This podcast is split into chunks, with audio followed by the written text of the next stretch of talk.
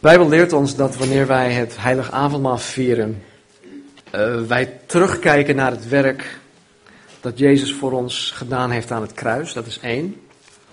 Maar niet alleen dat. Wij worden bij het vieren van het heilig avondmaal ook aangespoord om vooruit te kijken. Om vooruit te kijken naar zijn wederkomst. En mocht je Bijbels meegenomen hebben, um, ga even met mij naar 1 Korinthe 11, vers 23.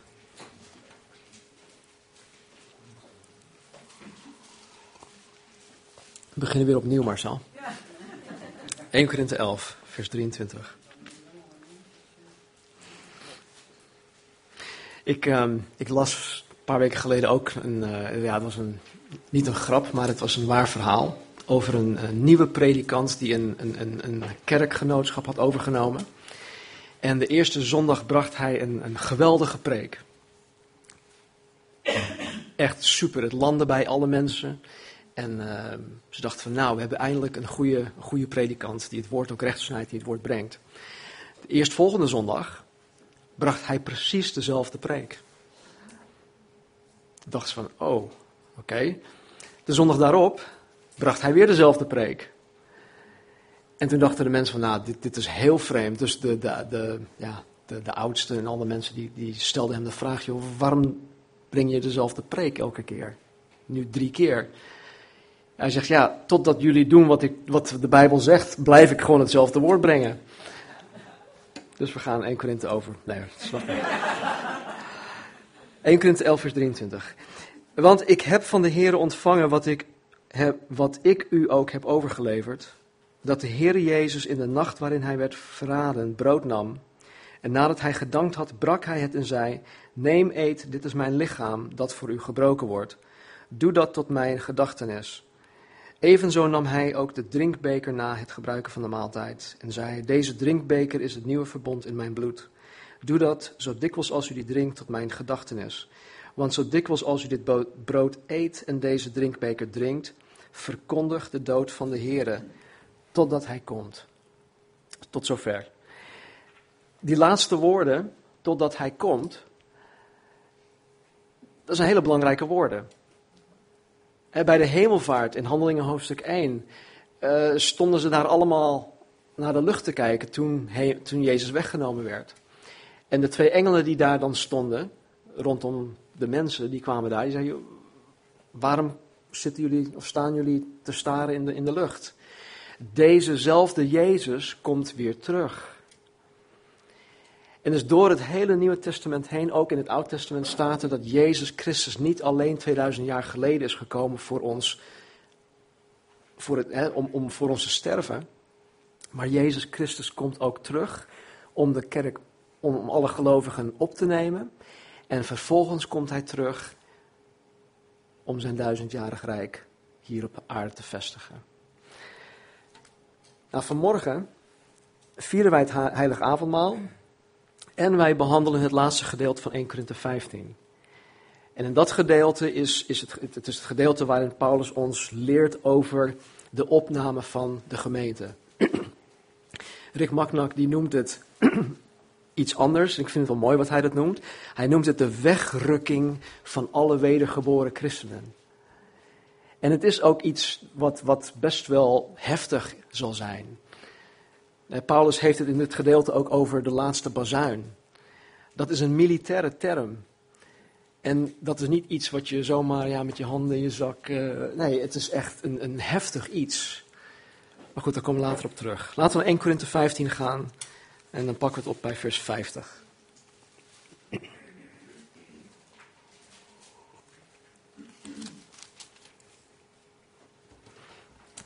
Maar dit zeg ik, broeders, dat vlees en bloed het koninkrijk van God niet kunnen beërven.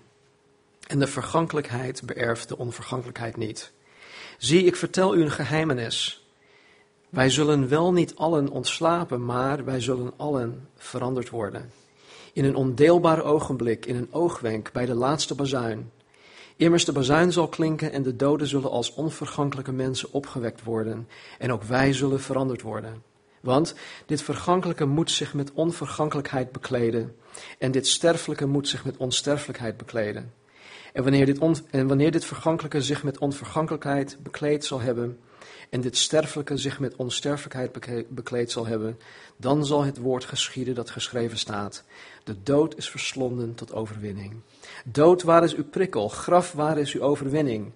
De prikkel nu van de dood is de zonde en de kracht van de zonde is de wet. Maar God zij dank, die ons de overwinning geeft door onze Heer Jezus Christus. Daarom, mijn geliefde broeders, wees standvastig, onwankelbaar, altijd overvloedig in het werk van de Heer, in de wetenschap dat uw inspanning niet te vergeefs is in de Heer. 1 Korinthe hoofdstuk 15 geeft ons de meest uitgebreide en de meest gedetailleerde uitleg over de opstanding van Jezus uit de dood en over de toekomstige lichamelijke opstanding uit de dood van alle ware gelovigen. Van ons. En tot nu toe, wat we hebben behandeld, dat is vers 49, heeft Paulus ons alleen nog maar verteld over degenen die reeds gestorven zijn. Of degenen die nog moeten sterven. Maar in het laatste gedeelte, eh, vanaf vers 50, geeft Paulus ons het antwoord op de vraag die je misschien zou hebben. Moeten wij dan eerst lichamelijk sterven om ons verheerlijk lichaam te kunnen ontvangen? En want daar heeft Paulus het alleen maar over gehad tot nu toe. Moeten wij allemaal eerst dan de grond ingaan voordat wij ons verheerlijk lichaam krijgen? Uh, nou, het antwoord daarop is nee. En dat zullen we dan ook, uh, ook zien. Vers 50. Maar dit zeg ik, broeders, dat vlees en bloed het koninkrijk van God niet kunnen beërven. En de vergankelijkheid beërft de onvergankelijkheid niet. Uh, de Bijbel leert ons in dit stukje heel nadrukkelijk dat het lichaam waarin ik nu leef, dit lichaam, alleen maar geschikt is voor het leven hier op aarde.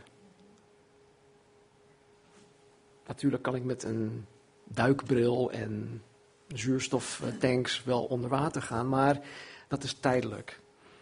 Eh, het is eigenlijk alleen maar geschikt voor het leven hier op aarde. In dit lichaam kan ik bijvoorbeeld een reis naar de ruimte niet overleven. Niet overleven zonder een, een ruimtepak. En als je nooit een ruimtepak hebt gezien, dan heb ik een paar foto's voor je. Heb jij.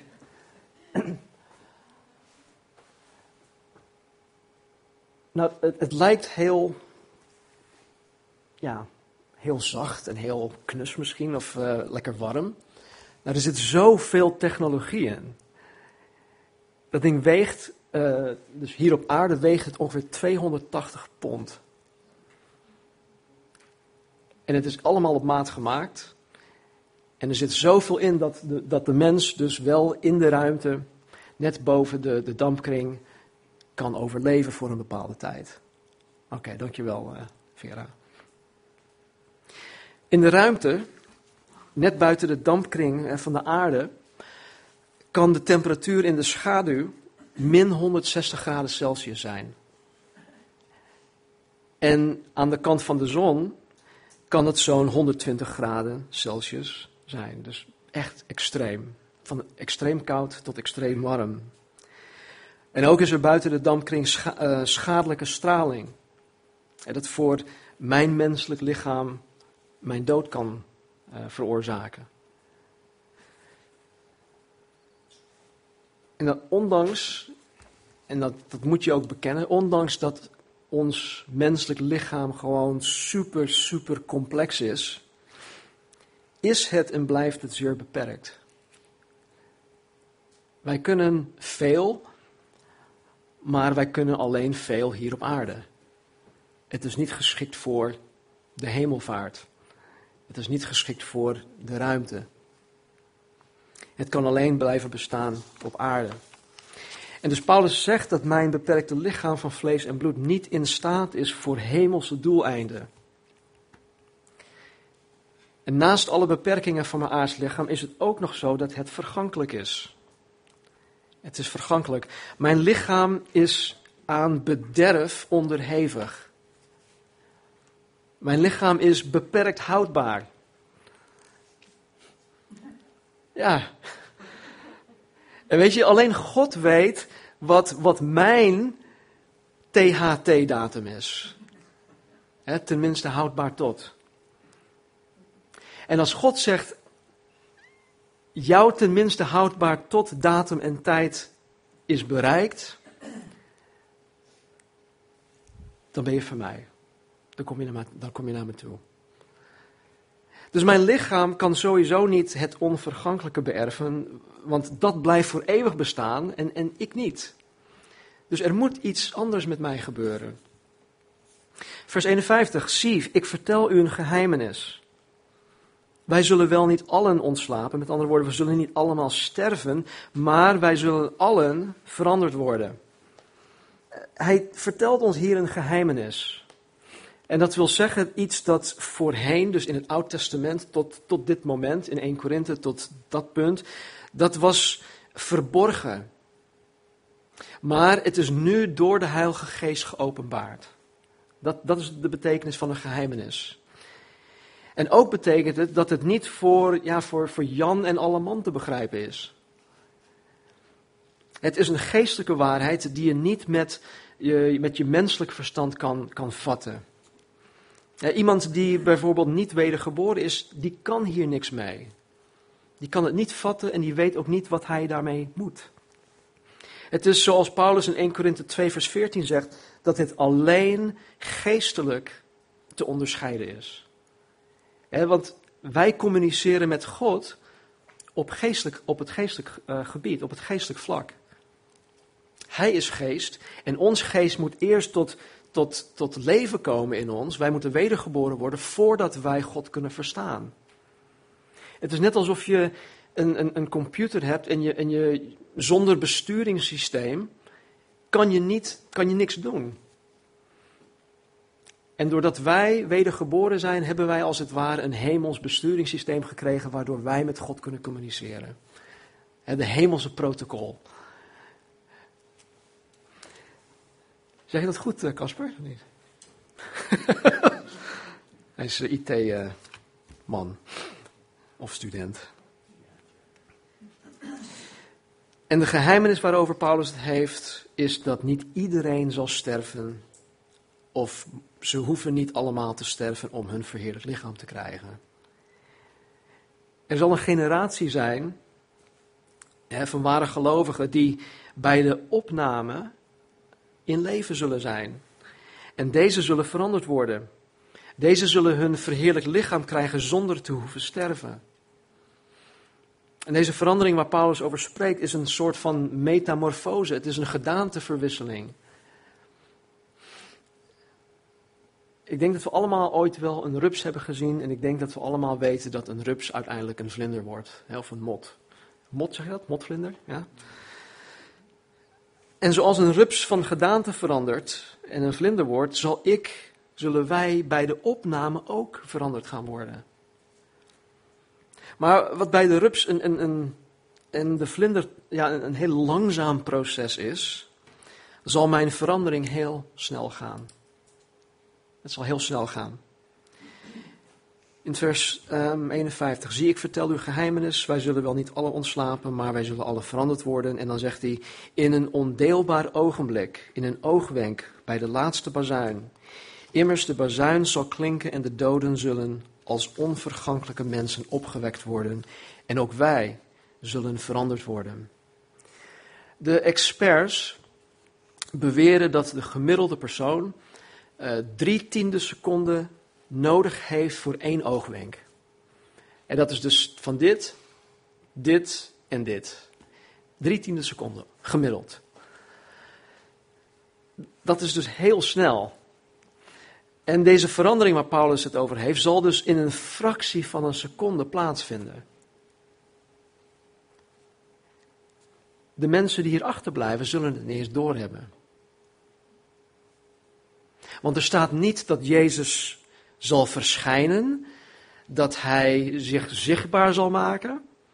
Nee, het gebeurt gewoon in, in een fractie van een seconde, ben ik gewoon weg. En ik weet niet of mijn kleding en alles dan hier achterblijft. Dat, is allemaal speculatie, dat weten we allemaal niet. Maar dat maakt niet uit. Ik ben niet gehecht aan deze shirt of deze schoenen. Maar het zal zo snel gebeuren. En ik denk dat de wereld met allerlei verschillende verklaringen zou komen van wat er met deze groep mensen is gebeurd. Ik zag uh, van de week ook nog een filmpje um, die mij toegestuurd werd vanuit, um, vanuit Israël. Over een, een, een, een lichtbal die, die kwam uit de lucht, het was avonds, en die zweefde boven de Dome of the Rock, hè, dus in Jeruzalem. En die bleef daar een beetje zweven. En in één keer, boem, schoot hij de lucht in. Met een vaart dat geen mens kan, kan, kan uh, doorstaan. En dan, ja, het werd van verschillende hoeken werd het gefilmd door amateurs, telefoontjes en, en, en dat soort dingen. dus ze weten niet of het een hoax is, maar goed, maakt niet uit. Ik weet wel dat degene die in UFO's geloven, die, die denken van, oh ja, zie je toch, de, UFO's bestaan, bla bla bla. Ik denk ook dat dat, dat ook zo, zo zou kunnen zijn dat wanneer wij verdwijnen van deze aarde, dat ze zullen beweren, nou ja, ze zijn opgenomen door een of andere UFO. Dat ze naar een ander planeet of zo zijn uh, meegevoerd. Maar goed, daar hoeven we ons niet druk over te maken.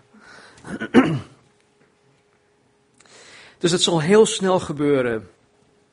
En, en niet alleen zullen wij dan veranderd worden, ook degenen die reeds als, gelo als, als gelovigen waren gestorven, die zullen lichamelijk uit de dood opgewekt worden. Laten we even naar 1 Thessalonicense 4 gaan. 1 Thessalonicense 4, vers 13. Paulus zegt hier: Ik wil niet, broeders, dat u onwetend bent ten aanzien van hen die ontslapen zijn, opdat u niet bedroefd bent zoals ook de anderen die geen hoop hebben. Want als wij geloven dat Jezus gestorven en opgestaan is, zal ook God op dezelfde wijze hen die in Jezus ontslapen zijn, terugbrengen met hem. Want dit zeggen wij u met een woord van de Heere, dat wij die levend zullen overblijven tot de komst van de Heere.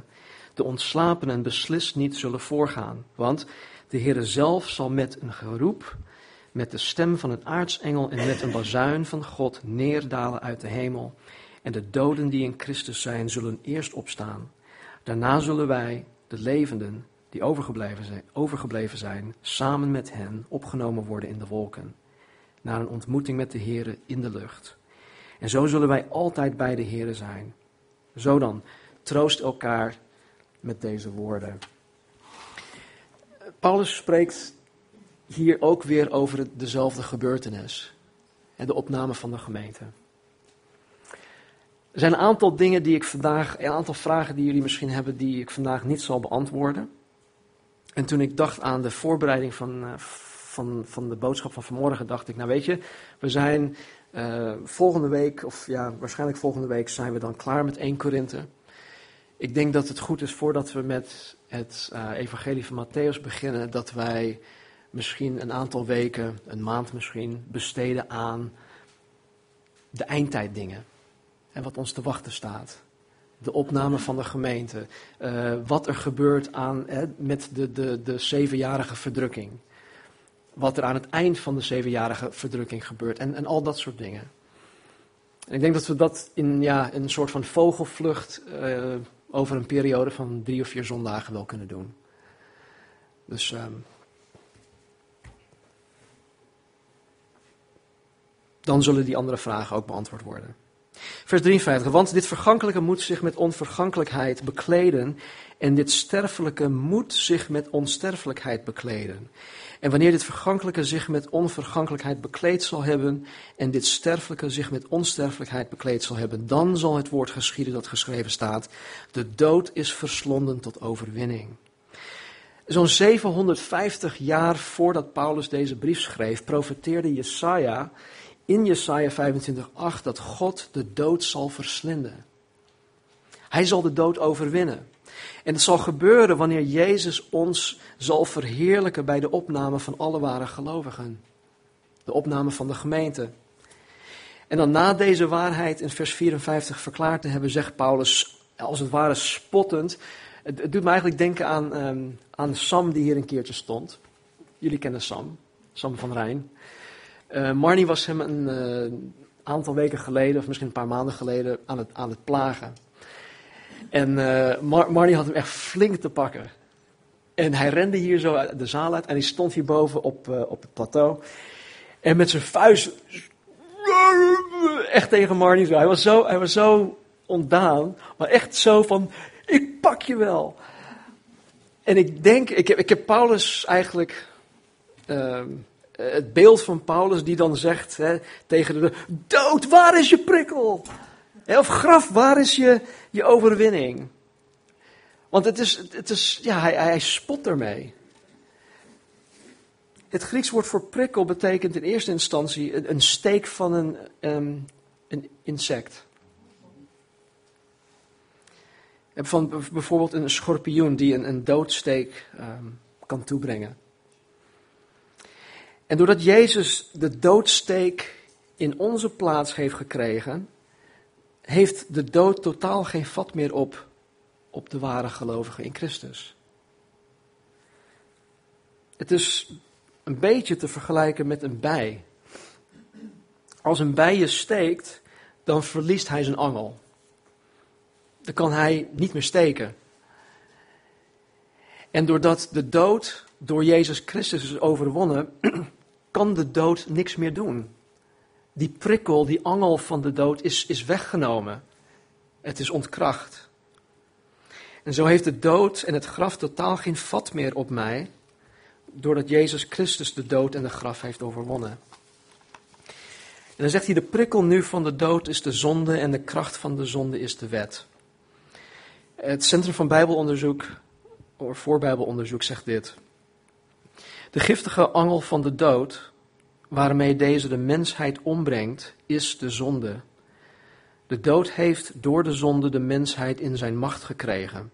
Maar Christus heeft niet alleen de dood overwonnen, ook de oorzaak van de dood, de zonde, is door hem teniet gedaan toen hij ter verzoening van de zonde stierf. Door de wet wordt de zonde als zonde herkenbaar gemaakt en gekarakteriseerd als overtreding tegen God. Zo bekrachtigt de goede wet de zonde en wordt die een bewerker van de dood.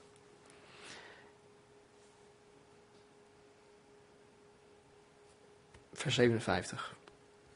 Maar, God zij dank, die ons de overwinning geeft door onze Heer Jezus Christus. God zij dank, die ons de overwinning geeft door onze Heer Jezus Christus.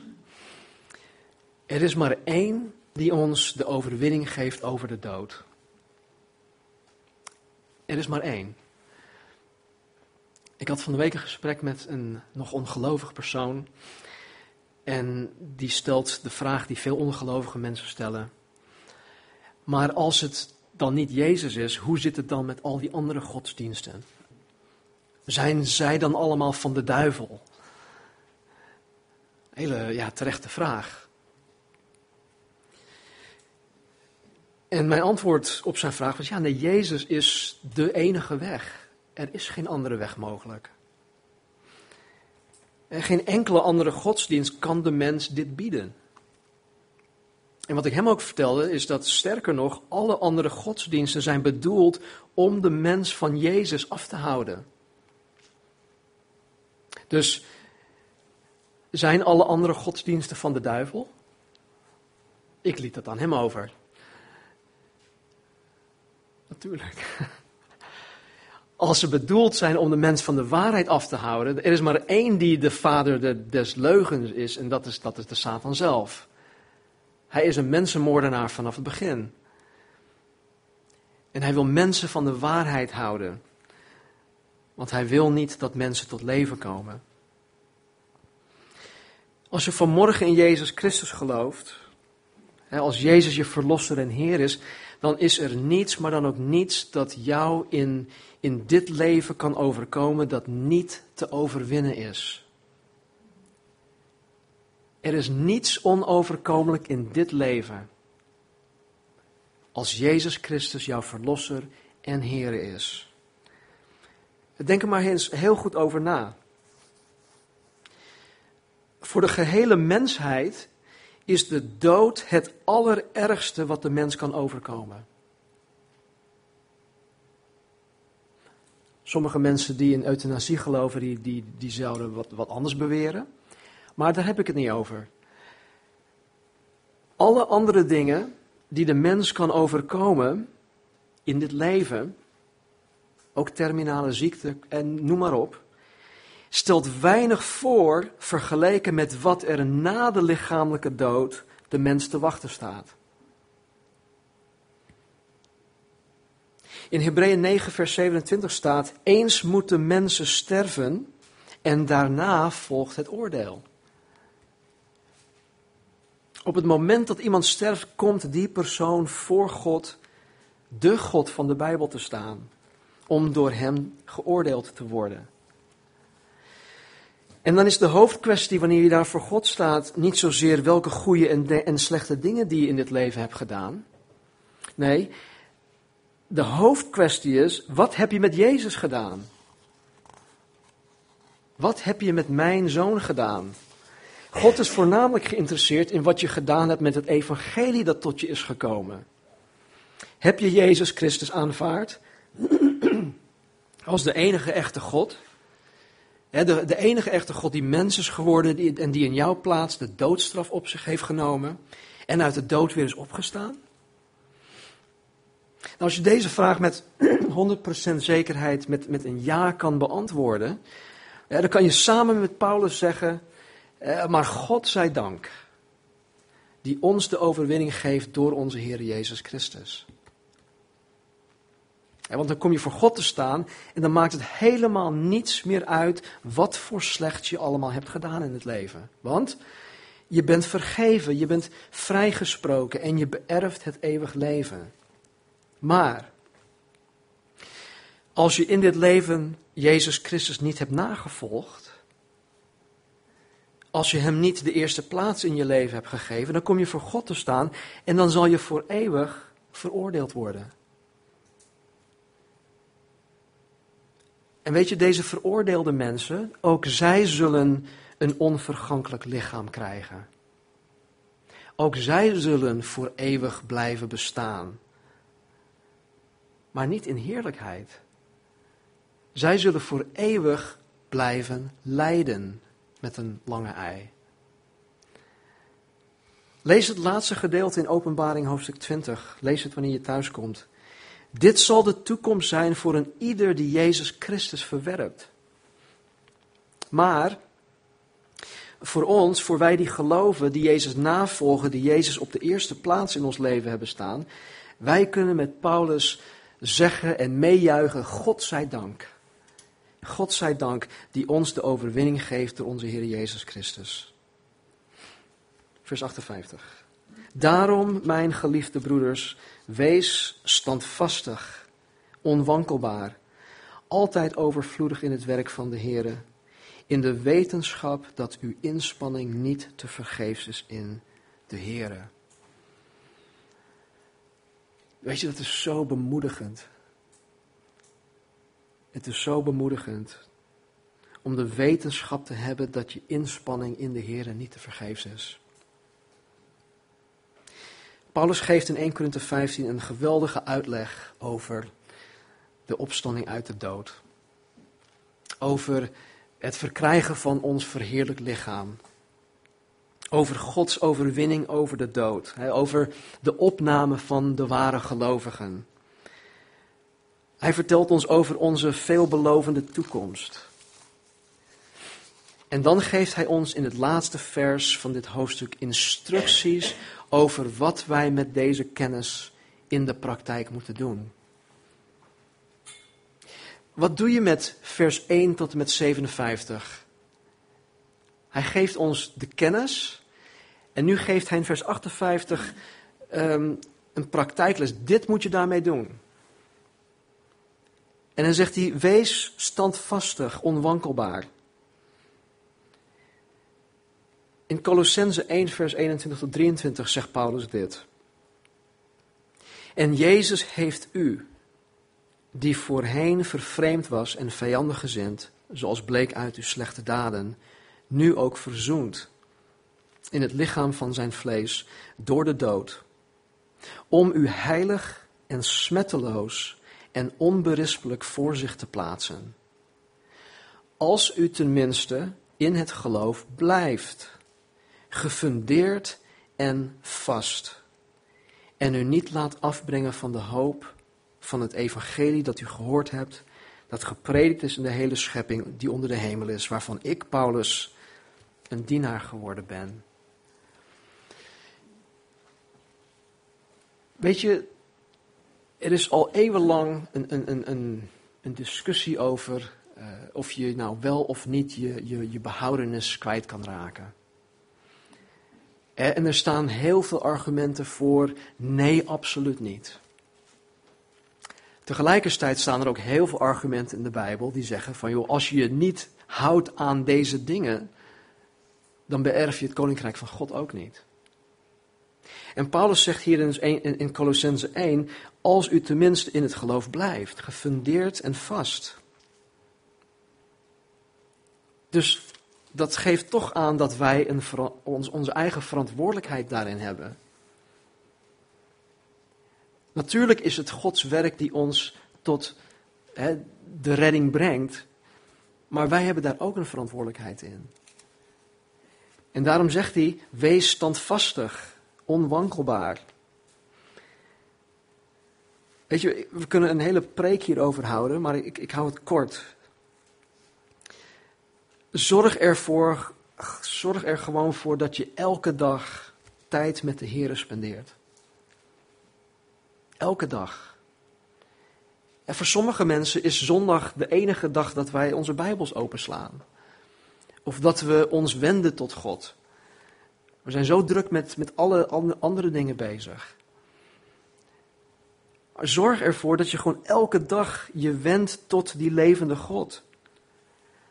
Dat je tijd met Hem spendeert door met Hem te praten, door biddend Gods woord tot je te nemen.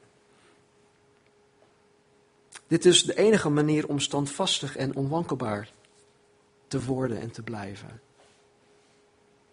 Ten tweede zegt Paulus, wees altijd overvloedig in het werk van de Heer, in de wetenschap dat uw inspanning niet te vergeefs is in de Heer. Paulus spreekt hier niet tot een klein groepje superchristenen. Nee, hij spreekt hier tot alle wedergeboren christenen. En hij zegt: Wees altijd overvloedig in het werk van de Heer.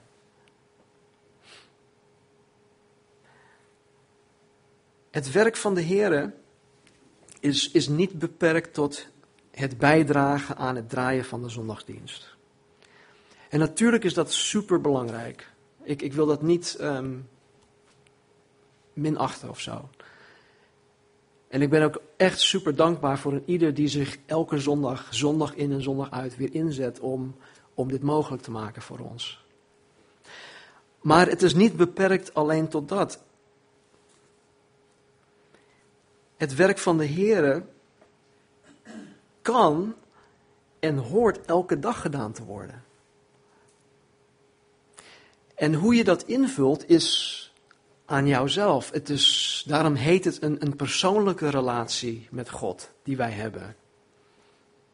En het is vanuit die persoonlijke relatie dat wij elke dag het werk van de Heer kunnen, sterker nog, dat wij het mogen doen.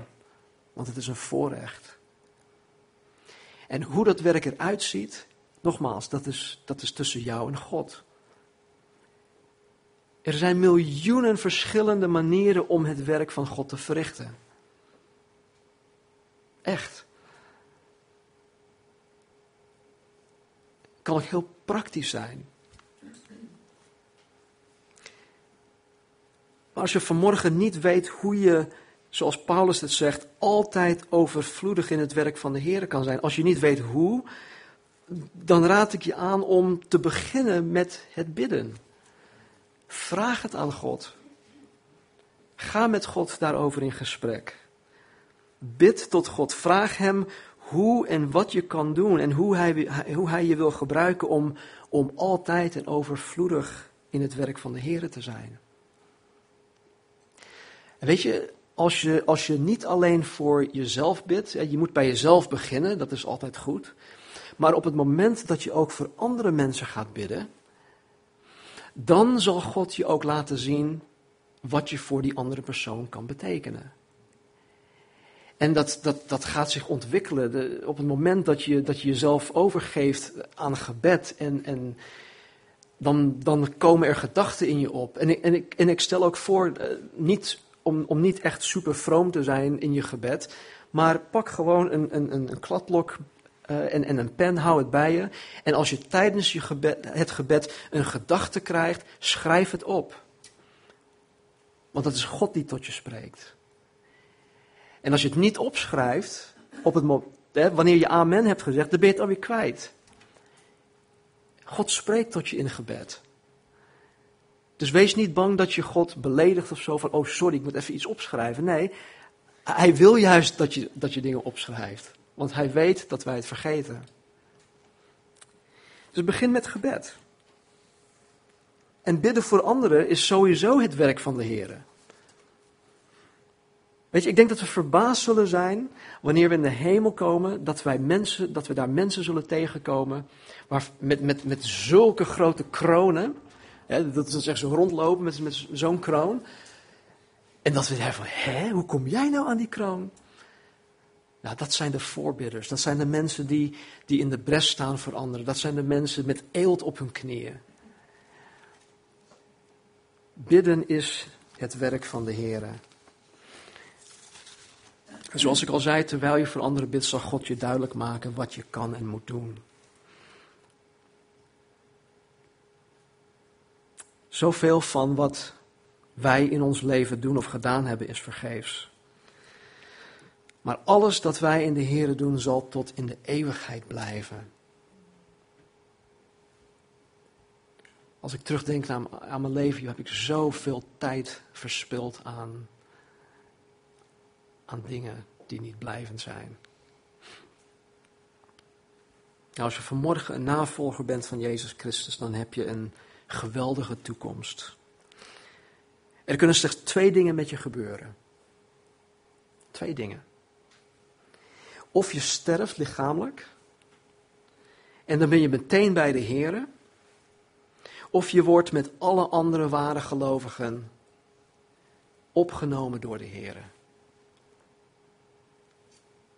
Hoe dan ook, we zullen ons verheerlijk lichaam krijgen.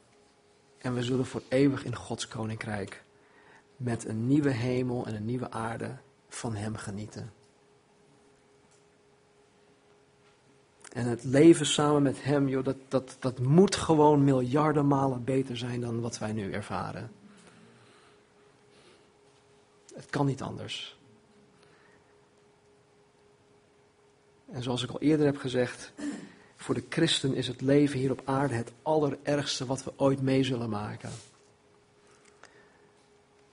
Maar voor de ongelovigen is het leven hier op aarde het allerbeste wat zij ooit mee zullen maken. En dit is allemaal mogelijk gemaakt doordat Jezus voor ons aan het kruis is gestorven. Laten we bidden. Vader in de hemel, u bent zo geweldig goed voor ons.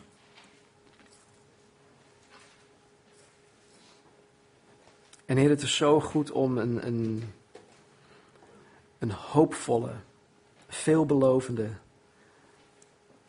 toekomstperspectief te hebben, Heer. Die u ons geeft. Heel zoals Paulus ook zegt in, in 1 Thessalonicense 4, wilt u niet dat wij onwetend zijn maar Heer, u, u wil dat wij weten wat ons te wachten staat. Want Heer, als wij dat op ons netvlies hebben, Heer, dan, dan vervagen alle andere dingen. Dan is er niets, Heer, zo erg in dit leven dat, dat, dat onoverkomelijk is. De dingen, Heer, waarmee we nu worstelen. En vader, u kent, u kent deze dingen. Heer, u kent onze pijn, u kent ons verdriet, u kent onze teleurstellingen.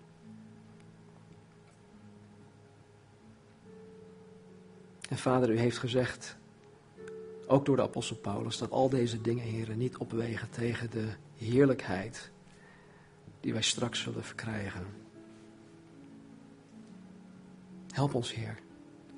Kom ons in de tussentijd tegemoet, Heer. Kom ons vandaag tegemoet. Heer, geef ons kracht om door te gaan, om, om te volharden. Heer, laat ons niet verzwakken. Heer, laat niets of niemand, Heer, de hoop, de glorie en al wat u voor ons heeft, Heer, ons, ons deze dingen afnemen. Vooral de Satan niet, Heer. Behoed en bewaar ons, Heer. Wees een schild om ons heen. Help ons, Heer. We hebben u zo hard nodig. Heer, sommigen van ons hebben het ontzettend moeilijk. Kom ons tegemoet, Vader. Help ons. Geef ons vanmorgen, Heer, weer nieuwe kracht en nieuwe moed. En Heer, wanneer we deelnemen aan het heilige avondmaal. Help ons, Heer, om, om terug te blikken op het werk op Golgotha, het volmaakt werk aan het kruis, wat ons dit allemaal mogelijk heeft gemaakt. Maar laat ons daar niet bij blijven, Heer. Help ons om ook weer, om ook tegelijkertijd vooruit te kijken naar wat u voor ons in petto heeft. En laat ons altijd de toekomst, ehm, laat het altijd in ons vizier blijven, Heer. Help ons het altijd te zien. Want dat geeft ons de moed. Dat geeft ons de kracht. Wetende dat onze tijd hier op aarde, heren, dat het maar tijdelijk is. En zoals de Bijbel ons ook leert, heren, uh, zijn wij um, sojourners. Um, dit is niet onze vaste plek. Heer, kom alstublieft spoedig. Kom, heren. Kom alsjeblieft spoedig om ons tot u te nemen. Dank u wel. In Jezus' naam. Amen.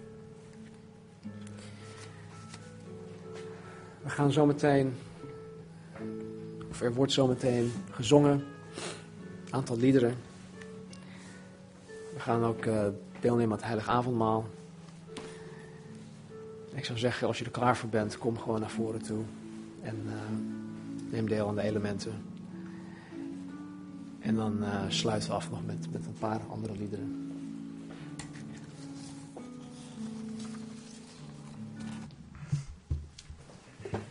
Blijf nog even staan, alsjeblieft.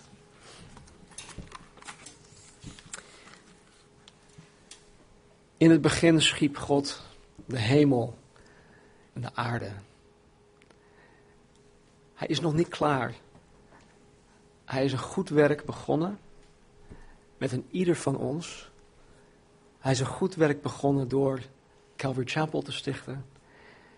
En hij wil dat werk voortzetten. Met ons als individu, met ons als gemeente. En we hebben zo'n gave toekomst. Er is niets, maar dan ook niets wat ons zal, zal weerhouden van die liefde. Dus ga met die gedachten vandaag ook naar huis toe. Ga met die gedachten uh, naar je werk, naar school toe morgen. Waar je je ook bevindt. Houd de opname, de verheerlijking, de opstanding uit de dood, de eeuwigheid, hou dat voor ogen.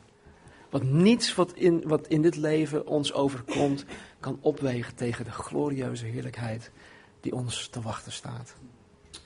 Dus mocht ik jullie niet meer zien deze week, dan zie ik je in de lucht. Amen. Wees gezegend.